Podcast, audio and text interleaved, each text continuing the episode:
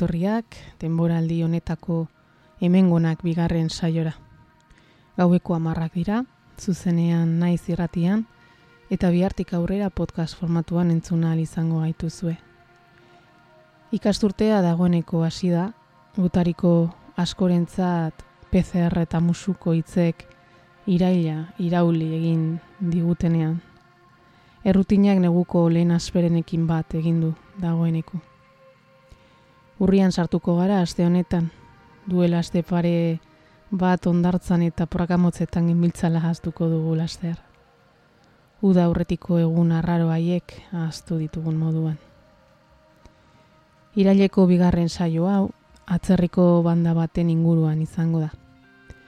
Emakumezko indie rock taldeen artean nire lehen eraginetako bat, hain zuzen ere. 2006 inguruan ezagutu nituen Electrelane Britainiarrak haien azken diskoa izango zena eskuratu nuenean. Britainia handiko talde berezinetako bat da, elastika aintzindariekin batera, herrialdeko emakumezko talde aipagarrienen artean daudelarik. Laro eta mazortzitik, 2007 arte aktibo egon ziren, eta lau disko batera zituzten. Saio honetan haien inguruan hitze ingo dizuet.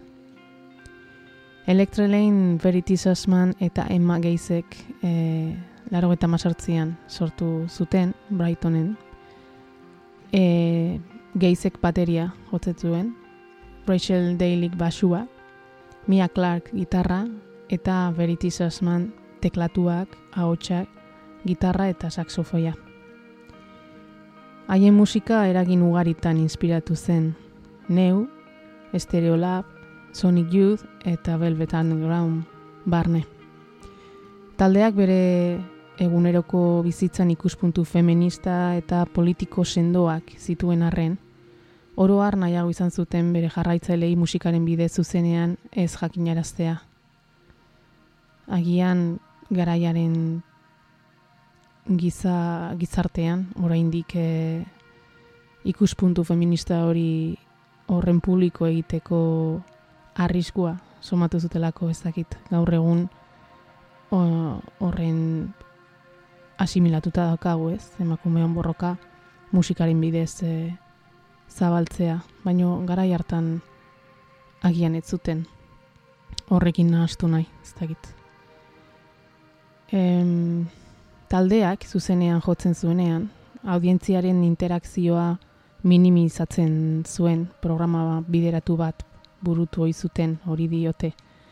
Ez zuten interakzio handirik entzuleekin eta oso gutxitan hartzen zuten edo egiten zuten biz bat baino gehiago. Britainar ostazun edo e, zuzentasun horren adierazle.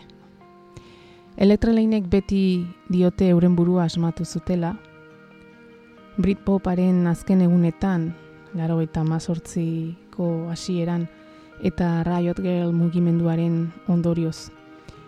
Bandak bere ikuspuntu propioa zuen, lehen grabazioek erakutsi bezala.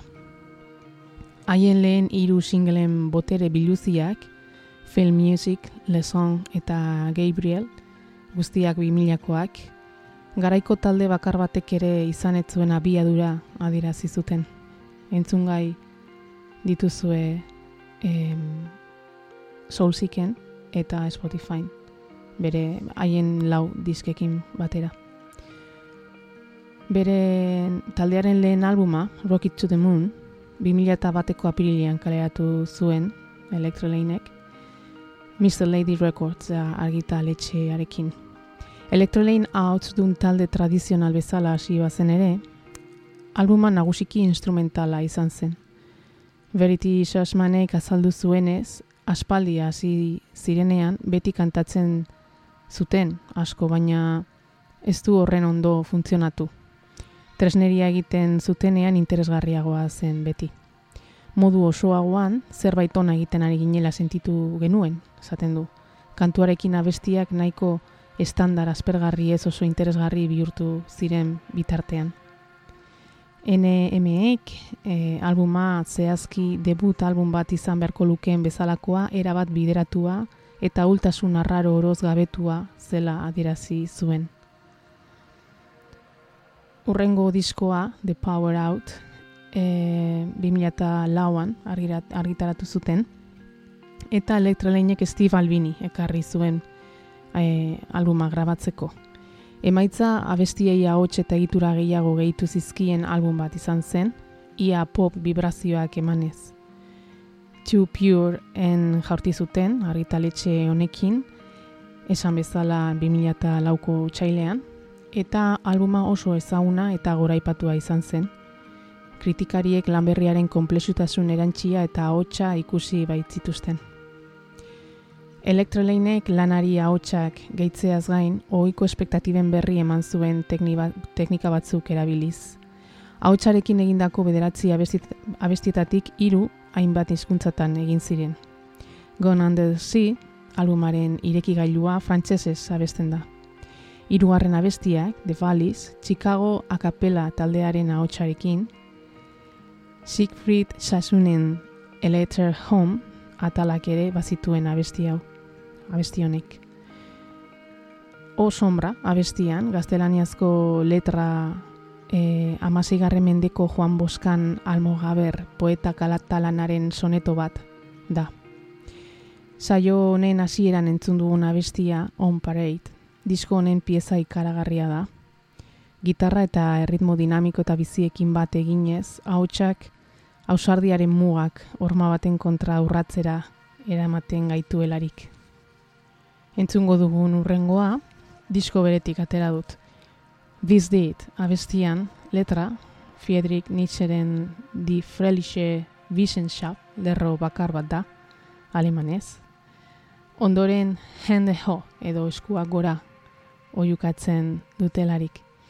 Ukitu horiekin erreseina batek adierazi bezala, disko honek bakarra izatea lortu zuten, desbideratze erradikala izan gabe. Entzun dezagun, bizdit. urrengo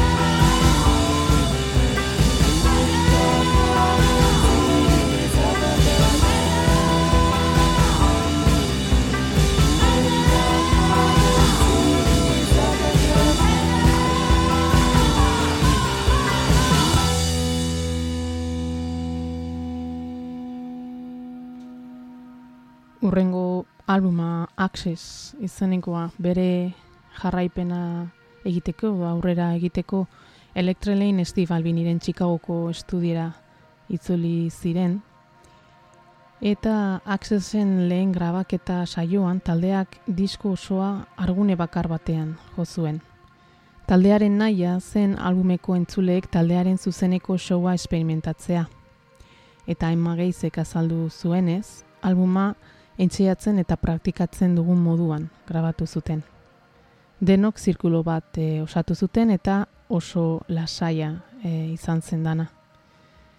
Bere hitzetan, e, haien aurreko grabazio esperientziak e, ba, ezberdinak izan ziren, baixua gela baten, bateria gela ezberdin baten, bi gitarristak e, beste baten, eta gero ahotsak e, egiten ziren. Jakina aurrela funtzionatzen du talde gehienek e, baina zuzenean jotzea besterik e, ez zuten nahi. Bada energia mota bat gela berean jotzetik datorrena. Beriti zesmanek e, esan zuenez, diskoa musika pieza jarraitu gisa ikusten zuten, ez kantu bilduma gisa. Improvisatzeko modua ere islatzen du, ideia batetik urrengora pasatuz, austura, austura argirik gabe. Album ia instrumental ilun hau, 2005eko maiatzaren bederatzean kaleratu zen, kritika mistoekin, baina gehienetan positiboak. Entzungo duguna bestia, Bells izenekoa, pianoa protagonista nagusia izanik eh, argienetako bat da diskoan, nahiko iluna delako, lan hau. Eta abestionen amaierako lerroetan, ba, lehen aipatutako estudioko fusio improvisatu hori, igartzen dugu. Entzun eh, dezagun Electrolane eta Bells.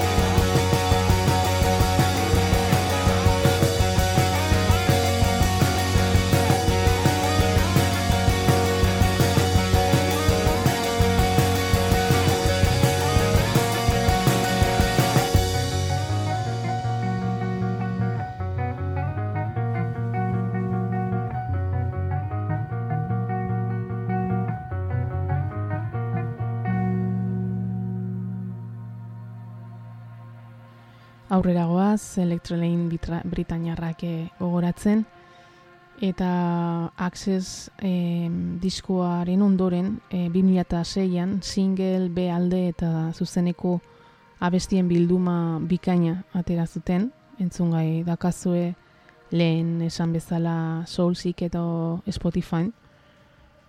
Eta lan horren ondoren No Shouts, No Calls e, estudioko laugarren diskoa atera zuten. Eta erabat grabatuta eta digitalki nahaztuta izan zen lehena haientzat lan honi ekin baino lehen, borondatezko etena e, egin zuten elkarrekiko distantzia behar zutelako. Ilabete askeak e, izan zituzten eta ez zuten elkar ikusi. Ross Murray basu jotzailea Madrilen izan zen, Verity Berlinen zegoen bitartean, Emma Los Angelesen eta Mia Clark gitarra jotzailea Chicagoan. Baina gero, em, gertatutakoaren inguruan hausnartu egin zuten eta e, konpontzearen beharraz konturatu ziren laurak.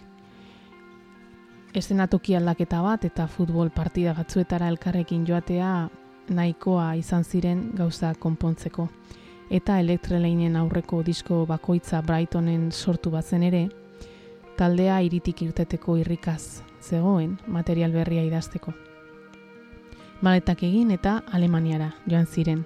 Beritik e, ekialdeko Berlingo egonaldian estropezu egin zuen grabazio estudio zahar batean abesti berriak landuz.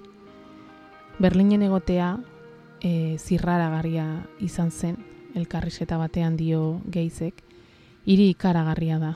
Uda zen, munduko kopa zegoen, denak erotuta zeuden, historia sentitzen ezakeen, burbuila batean geunden tranbiara igotzen ginen egunero ibai ondoko leku arrotz batean. Agian bereko ikeriaz, ez zigun beste zerk eragin. Pinikak atsegin asko izan genituen parkean. Garai horretan taldea kirolaren fanatiko bihurtu zen, ekitaldiaren inguruan, euren grabaketa ordutegiak berrantolatzera ere iritsiz eta Jerza BSF Berlin eta FC Moskaren arteko partida baten lagin bat bere disko berri horren fai babestian sartu zuten ere, futbola. Ia entzun daitezke piknikoiek emozio unkigarri hori No Shouts diskoan, betiko gustura sentitzen den diskoan, baina Between the Wolf and the Dog e, abestiko gitarra sigizagan edo aipatutako Five e, horren zarata eta burrumban zehar ere. Eta Berlinen aztarna disko osoan dago. Tram 21 garajean inspiratutako rockero bat da. Zeinaren tren burrumbak organo estakato noten krestendo batekin eta roz eta emmaren lala kortesia koruen koru batekin durundi egiten duen. In Berlin, agian diskoko pistarik lasaiena eta ederrena, soka konponketa loratu baten atzealdean altzatzen da. Taldearen Alemaniako oporren larritasuna isilean gogorazten duena.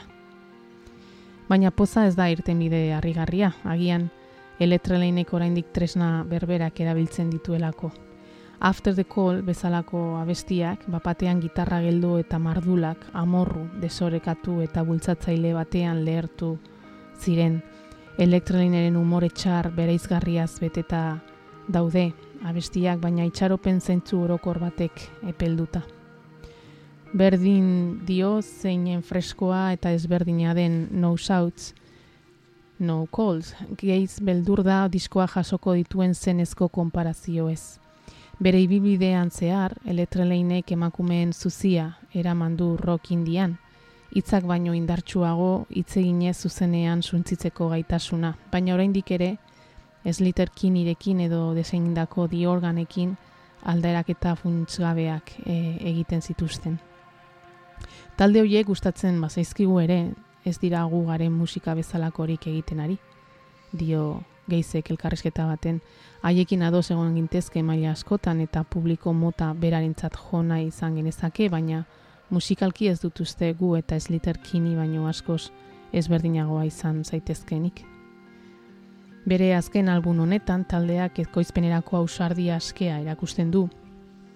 Gara honetako soinu gutxiago aterazten duena, baina honen oso gertukoa. Atzeraka ikusten da, gaur egungo indi irudia baztertuz, batez ere ingalaterrakoa, non zerra zirkularra duten gitarrak eta post-strokeak nahas jarraitzen duten bogan. Diskoan taldearen azken albumeko crowd rock estiloko soinuak The Power Out taldearen pop kontinentalerako estiloarekin ustartu dira, baina gitarrek abesten dute indartsuen. Albumeko abesti bakoitza epeltasunez, baina pasio santolatua izkan bilatxua da. Gitarra obertura isil-isilik, organoa epaingarri eta guzti. Entzun ditzagun, To the East diskoaren lehen singela izan zana eta Saturday. Melodio txu zoragarria, bata bestearen atzetik.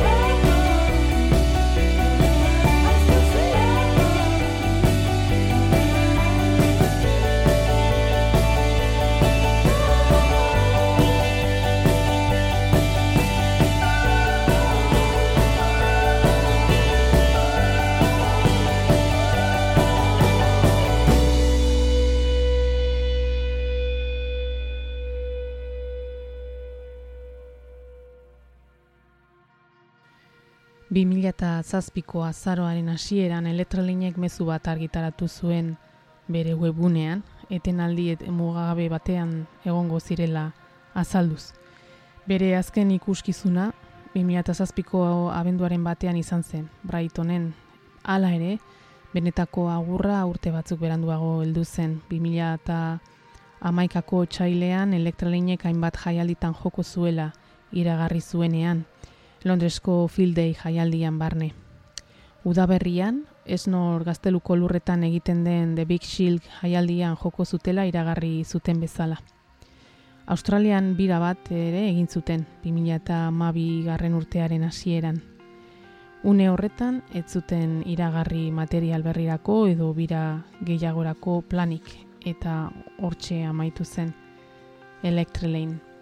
Gaurko saioa amaitzeko neuk ere ba azken kontzertu hauetako lagin bat e, entzungo dugu. Lagut dugok, frantziako jaialdi ospetsuan jo zuten bertsio ikaragarria e, ekarri dizuet. E, Bronski Beat talde Britainiarraren Small Town Boy abesti ezagunaren bertsio eklektikoa entzungo duzue e, YouTubetik hartuta. Ezagutzen ez duzuen ontzat, e, Bronski Beat synth pop talde ingelesa izan zen, laro egarren amarkadako erdialdera ospea lortu zuena, bereziki laro eta lauko Small Town Boy single honekin. Taldearen sortzaileak Jimmy Somerville, abeslaria, Steve Bronsky, teklatua eta bateria, eta Larry Steinbach, e, honek ere teklatua eta bateria jotzen zuena, e, irukotea izan ziren. Irurak e, homosexualak izanik, euren abestiak horren isla dira. Horietako batzuek e, mezu politikoak eta aktivistak baitzituzten. Elektrelein taldeko kideek ere mezu horiekin zuzenki identifikatzen zirelako, ba, erabaki zuten bertsio hau egitea. Izan ere, abestiaren jatorrizko bideoklipak argi erakusten digu, homosexual gazte batek familian onartua ez izateaz gain, gagaraiko ingalaterrako herri txiki kontserbadore batean, erasoak jarsan ostean handik alde egitea erabaki eta trena hartzen duela. Azkenik lagunen artean, edo tribuan, e, familia berria topatzen duelarik. Somers bilek laro eta bostean utzi zuen taldea, eta ezagunagoa egingo zaizuen The Commune Arts musika proiektura batu zen. Ondoren bere bakarkako karreran e, jarraitu zuelarik. Bertsio honekin e, agurtzen zaituztet, bi aste barru itzuliko naiz euskal sortzaile baten inguruan aritzeko hemengonak saioan naiz irratian eta aste artea izango da beti bezala iluntzeko amarretan. Ordura arte agurtzen agurtu ditzagun Electrelein Britainiarrak eta agurtzen zaituzte Small Town Boy abestiaren bertsio bikain honekin. Thank you.